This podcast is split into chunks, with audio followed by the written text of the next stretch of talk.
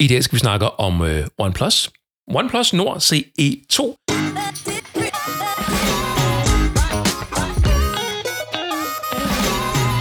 Dette er podcasten fra meremobil.dk, episode 109. En øh, kort gennemgang af OnePlus Nord CE2 på 5 minutter uden klip og redigering. Direkte her fra min mikrofon, så du har et øh, oplyst grundlag at gå ud og købe en, øh, en telefon på. De 5 minutter starter nu. OnePlus gør rigtig mange ting rigtigt med øh, deres øh, telefon, mellemklasse telefon, skal jeg måske lige sige. OnePlus Nord CE2. Men telefonen den lander sådan lidt forkert i markedet og kommer lidt omtumlet ind og er hverken øh, fugl eller, eller fisk. En lavere pris er helt klart øh, klædet den her telefon ganske, ganske meget. Det er der ikke nogen tvivl om. Lad mig lige komme tilbage til, øh, til, til det senere.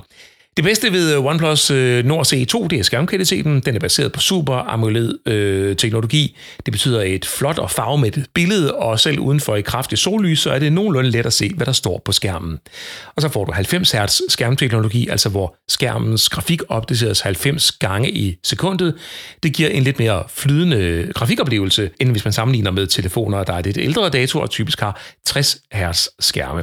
Men 90 Hz, 90 Hz er efterhånden ved at være standarden, minimumstandarden på mellemklassetelefoner, og det synes jeg er ret fedt.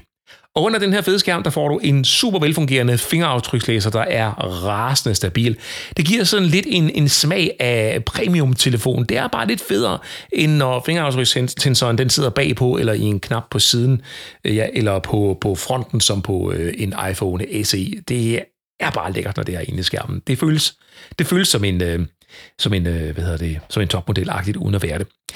Det der øh, CE, øh, hvad hedder det, Nord CE2, det skal vi lige have på plads. CE, det er en øh, telefon fra OnePlus, der ifølge OnePlus selv samler kernen, altså core, det med C, af hvad en mobilkøber vil efterspørge i en prisklasse, der ikke er så dyr som de andre telefoner.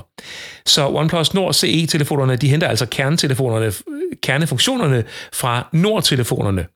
Og øh, den første model i serien var OnePlus Nord CE, som ramte fuldstændig øh, ved siden af, men øh, øh CE2'eren gør det heldigvis bedre. Så er det på plads.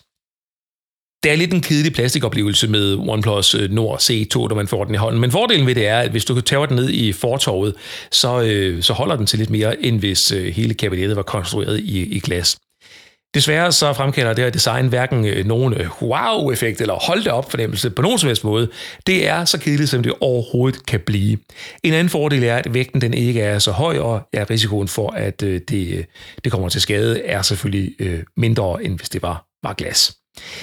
En stor øh, fejltagelse fra OnePlus øh, er, at de endnu en gang undlader deres ellers ikoniske, fysiske, lydløs vibrations lydknap, der ellers har været et af deres kendetegn. Altså den der knap på siden, hvor man fysisk kan skifte mellem øh, lydløs og, og lyd. Det lyder måske som en latterlig lille ting, men jeg lover dig for i dagligdagen, når du kommer til at bruge det, øh, begynder at bruge det, så er det bare en super fed funktion. Men den funktion har de så pillet ud, Selvom det er lige præcis det, der er kernen af OnePlus, det er faktisk den knap. Det er det, der gør forskellen på en OnePlus-telefon og så mange andre, når man kommer øh, ned og, og kigger på, hvad er så egentlig forskellene, og hvad kunne egentlig være fedt at have. Og det er egentlig et under, at øh, der ikke er nogen, der har kopieret den her øh, knap fra OnePlus endnu. Det er der altså ikke, men det mangler altså også på den her telefon, og det er bare virkelig øv.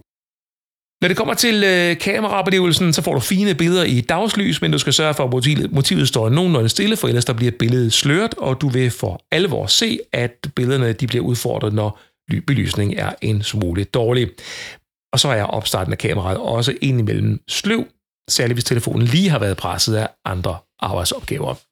Ofte skriver jeg i mine anmeldelser, at øh, de fleste telefoner, de har for meget processorkraft, men her der er der måske øh, i virkeligheden lidt for lidt. Jeg kunne godt bruge lidt flere kræfter, og det var også tilfældet, og noget jeg talte om, da jeg anmeldte øh, Motorola Moto G71 og øh, Xiaomi Redmi Note 11 Pro 5G og en række andre telefoner. De lider alle sammen af det samme, at der er for lidt øh, power i processoren selvom telefonen ikke koster ret meget. Og jeg forlanger selvfølgelig ikke topmodelydelse af en telefon, der koster under 3.000 kroner, men lidt mere vil klæde den, synes jeg.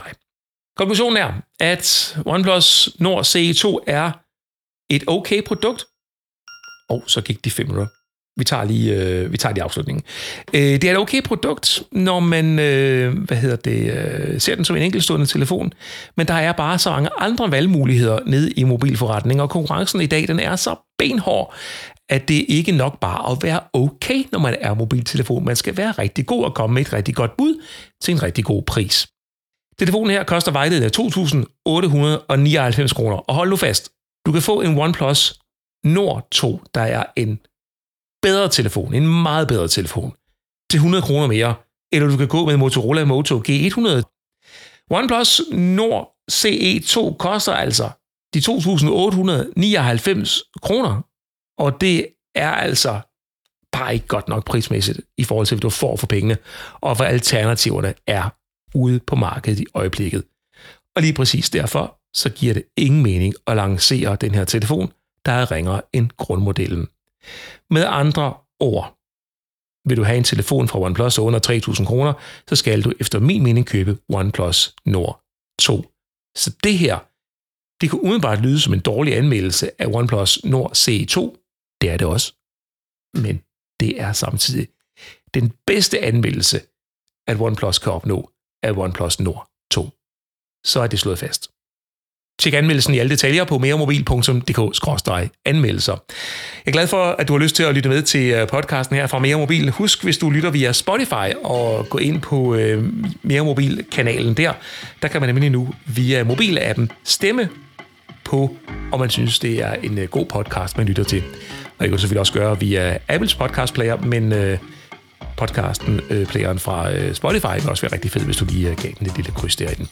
Nå, men det var det. Tusind tak, fordi du lyttede med til anmeldelsen her og den her podcast episode. Mit navn er John G. Ha' det godt.